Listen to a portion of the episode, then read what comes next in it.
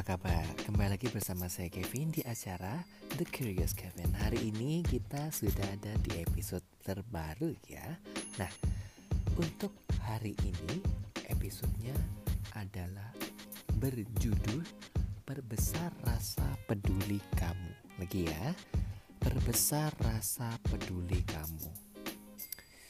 Kadang rasa peduli itu kan tiap orang beda-beda gitu kan ya? Jadi mau diperbesar segimana sih? Yuk sama-sama kita dengerin podcast kali ini. Nah, di episode kali ini kita akan lihat sudut pandang yang lain tentang rasa peduli. Cara salah satu yang paling efektif untuk memperluas sudut pandang itu dengan kita belajar untuk lebih peduli dengan orang lain yang juga berarti bersimpati dengan orang lain. Jadi kita menempatkan posisi kita di posisi orang tersebut, ya. Nah, sering kali yang kita lihat itu persoalan yang mereka alami itu frustasinya, rasa sakitnya. Kadang-kadang beberapa itu ada yang sama dengan kita, bahkan ada yang lebih parah, gitu kan? Mengakui ke hal tersebut ya setelah kita mengetahui bahwa ternyata di luar sana ya ada selalu orang yang lebih susah, ada orang yang selalu hidupnya lebih sulit, ada orang yang hidupnya lebih frustasi. Bagaimana kita kemudian memposisikan diri kita untuk membantu dia? Kenapa kita tertarik untuk membantu. Karena kalau zaman sekarang itu kan kadang-kadang kalau kita baik sama orang itu nggak semua bisa dipahami sebagai arti yang tulus. Kadang kalau bantu ya mungkin antara cowok dan cewek kalau baik itu mungkin ah itu mungkin ada maksudnya gitu kan. Mungkin kalau uh, dalam kerjaan kita bantu teman kerja ah ini ada maksudnya biar naik jabatan dan sebagainya dan gitu. Nah sering kali ada rasa-rasa iri, rasa-rasa skeptikal karena memang itulah yang terjadi di lapangan ya. Maksudnya ada orang yang benar-benar tulus tapi juga ada nih ya orang-orang yang memang dengan sengaja berbuat baik untuk mencapai maksud-maksud tertentu. Cuman itu kita nggak bicarakan di podcast kali ini. Kita akan lebih bicarakan di hal yang memang berhubungan dengan topik kita. Nah, uh, sering kali ketika kita berusaha menawarkan bantuan ke orang lain, ini secara tidak sadar akan membantu kita untuk membuka hati dan memperbesar rasa syukur. Ya, kenapa? Karena uh, rasa syukur ini bisa kita dapatkan dari ketika kita mendengarkan pengalaman orang lain, terutama nih, terutama kalau pengalamannya itu ya sulit, menjengkelkan, kesannya kayak nggak ada jalan keluar, itu kita bisa timbul simpati, gitu kan ya. Nah, rasa peduli ini bisa kita latih dengan dua hal. Yang pertama dengan niat dan tindakan. Kalau kita memang niat membantu, bantulah dengan hati yang tulus. Dan ketika membantu dengan tindakan, bertindaklah dengan baik menyampaikan apa maksudnya membahas bersama-sama ya apa yang menjadi persoalan. Dan kemudian pertama yang dilakukan adalah bukan sibuk langsung cari solusi ya karena kadang-kadang orang yang bermasalah itu sudah tahu solusinya cuman mereka ini semacam kayak butuh didengarkan. Jadi niat pertama yang dipastikan adalah coba belajar untuk mendengar ya. Mendengar bukan untuk ke membalas, maksudnya balas jawab setelah dia bicara, tapi benar-benar mencoba mendengar dan memahami. Benar-benar memposisikan diri di situasi dia. Karena sering kali nih ya, sering kali orang itu terjebak dalam uh, suatu pandangan kalau ngobrolnya begini ya. Misalnya si A lagi ada masalah, kemudian cerita si ke si B gitu kan. Kemudian si B akan bilang, wah kalau aku jadi kamu, kalau aku jadi kamu akan begini, begini, begini, dan begitu. Tapi ternyata tanpa disadari si B sedang memasukkan pandangan hidupnya B ke A. Jadi malah bukan di posisi A, tapi posisi A ditutupi oleh posisi B dengan segala pemikirannya. Ya, itu kadang sulit ya, malah jadi bumerang ya. Maksudnya bumerang gimana? Karena uh, setiap orang punya cara penyelesaian masalah sendiri-sendiri. Justru kita dengarkan, kita cari tahu dulu. Sebagai seorang pendengar, kita dengarkan, kita cari tahu dulu dan kemudian baru bertindak sesuai dengan situasinya. Setelah itu, kamu bisa mulai memberikan sumbangan. Ingat ya, sumbangan itu bukan berarti uang, bukan selalu artinya materi. Bisa, kalau materi memang bisa diberikan oke okay. atau juga waktu ya. Dua-duanya sama-sama berharga. Kalau dalam peribahasa waktu adalah uang itu ya. Jadi dua-duanya sama punya nilai yang sama-sama berat. Ini kalau dilakukan secara tulus, ini akan membuat kamu menjadi orang yang lebih tulus, ya. Dan ketika itu kamu akan mulai uh, bisa dengan contoh-contoh kecil, misalnya nih, misalnya kamu belum bisa bantu orang, mungkin karena kapasitas materinya, mungkin kamu rasa belum cukup atau kamu terlalu sibuk, ya, dipermudah, dipermudah dengan cara misalnya kamu ketemu orang di jalan mungkin menyapa duluan. Atau kalau kamu orangnya pemalu nggak mau menyapa duluan nggak apa-apa. Kamu masih bisa tersenyum ya ya bukan tersenyum yang bagaimana sampai unik atau aneh kelihatannya enggak ya tapi tersenyumlah secukupnya tujuannya apa supaya kita bisa memberikan sesuatu yang bermanfaat karena sebagai manusia seperti kata Bunda Teresa yang mengatakan bahwa kita tidak dapat melakukan hal-hal yang besar di dunia ini. Ya. Kita hanya dapat melakukan hal-hal kecil dengan cinta kasih yang besar. Suatu pesan yang bagus ya dari Bunda Teresa kali ini mengajarkan kepada kita bahwa ketika kita melakukan hal-hal kecil dengan cinta kasih yang tulus dan besar, itu akan bermanfaat dan memampukan kita jika nanti diberikan hal-hal yang lebih besar. Ya. Dengan membantu, kita punya rasa syukur yang lebih besar dan melepaskan perhatian kita pada hal-hal kecil yang biasanya kita pikirkan. Menyisihkan waktu untuk menikmati keajaiban hidup. Bagaimana kamu bisa peduli, membantu, dan mendukung orang yang memang membutuhkan. Bersyukur seperti apa? Bersyukur hari ini bisa dengerin podcast Bersyukur telinganya dua-duanya masih sehat, matanya masih sehat dua-duanya. Bisa melihat dan klik untuk dengarkan podcast yang bermanfaat.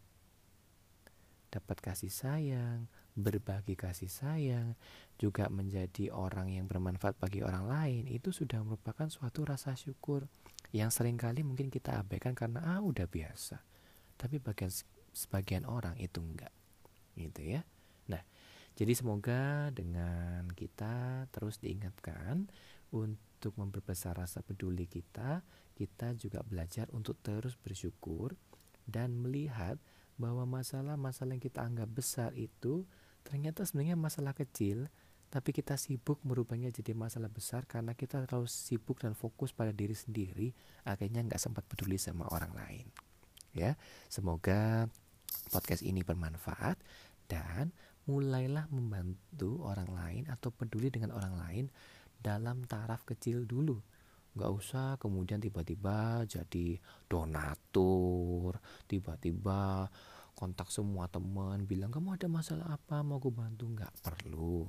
Simple aja dulu. Senyum aja cukup ke mungkin orang di rumah, mungkin asisten di rumah, atau mungkin juga dengan orang yang di kantor, ya kan? Mungkin dengan tukang parkir atau pelayan ya, atau mungkin kalau di toilet ada penjaganya bilang terima kasih dan sebagainya. Sesuatu yang simpel. Tujuannya apa? Supaya dengan kepedulian kita yang dipupuk dari kecil ini bisa membantu kita untuk menjadi peduli di hal-hal yang besar. Oke? Nah, Kenapa podcast ini sebenarnya satu sisi bagus, satu sisi bagus karena kita diajarkan untuk peduli, tapi satu sisi juga jangan lupa untuk memakai logika. Maksudnya gimana nih? Gini. Seringkali kan ketika kita bantu orang, kita ini ada yang tidak mengharapkan pamrih ya. Kita membantu setulus-tulusnya. Cuman gini, kadang ada orang-orang nih ya, orang-orang yang kita bantu. Kalau misalnya kondisinya kamu bisa bantu secara materi, kamu bantu secara materi. Dan kalau kamu nggak bisa bantu secara materi, kamu berikan waktu. Ya, karena itu dua-duanya sama-sama berbobot. Cuman yang kamu perhatikan adalah setelah kamu membantu dengan ikhlas tanpa pamrih, coba kamu lihat juga bagaimana respon di sebelah sana ya. Tujuannya adalah begini, tujuannya bukan berarti kamu mengharapkan pamrih, tapi lihatlah bagaimana responnya. Tujuannya adalah supaya bantuan yang kamu berikan dengan tulus itu tidak kemudian menjadi suatu kekecewaan buat kamu yang akhirnya membuat kamu merasa ah sudah malaslah menolong orang, nggak usah lagi menolong orang karena respon jelek yang kamu terima. Contoh nih ya, contoh. Saya sendiri sudah lebih dari kalau bisa dibilang sudah dari SMA ya. Sekarang sudah menjelang umur hampir 30. Jadi sudah cukup lama sekali. Mungkin ada hitungan coba kita hitung ya. Sudah ada hitungan 10 tahun ke atas sering mendengarkan curhat dari orang-orang yang bahkan usianya lebih muda atau lebih tua. Bukan berarti saya ini memberikan curhat asal-asalan, enggak ya, bukan karena tidak sekolah psikologi lalu tidak bisa memberikan arahan ya.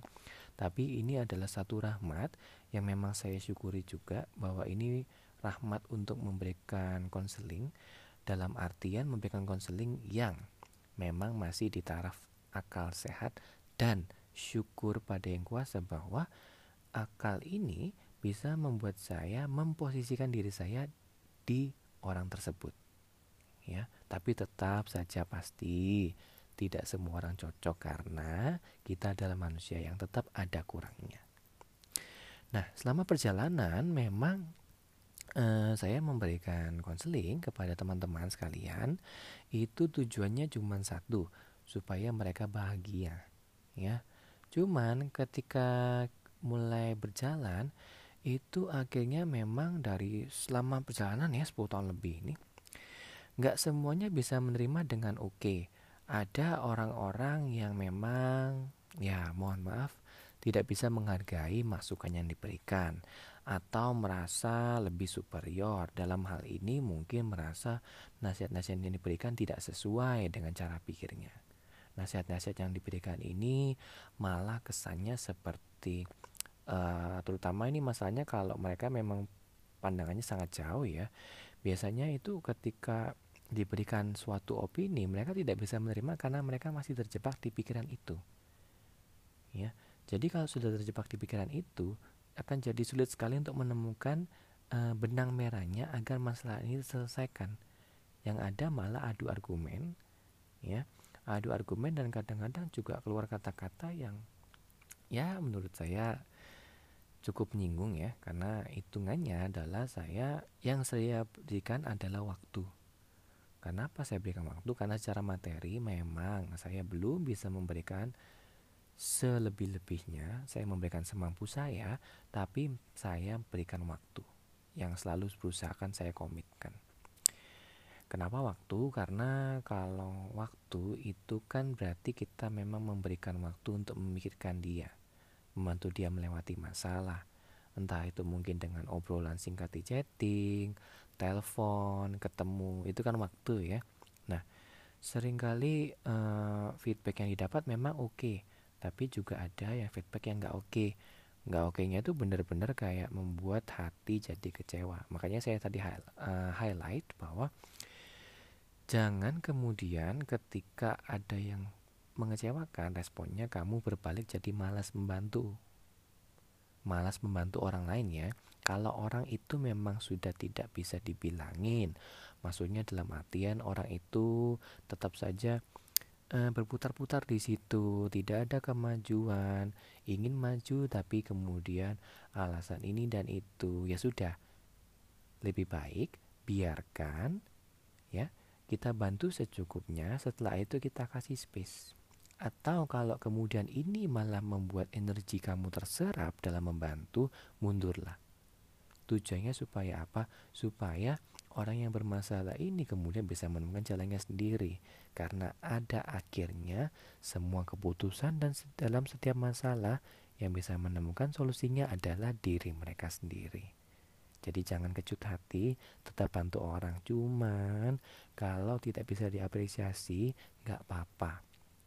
Ya, mundur dan bantulah orang lain lagi yang menurut kamu bisa bermanfaat untuk kamu dalam membantumu untuk mensyukuri hidup, juga bisa membantu orang lain untuk mencerahkan hidup mereka, supaya mereka pun bisa berbahagia bersama-sama dengan kita.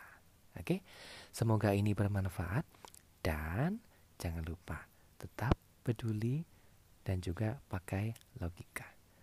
Sebuah ayat yang bagus ya, saya ambil dari Alkitab ini ya. Saya ambil Ayat yang bagus adalah cerdik seperti ular, tulus seperti merpati. Semoga bermanfaat dan berguna untuk kamu semua.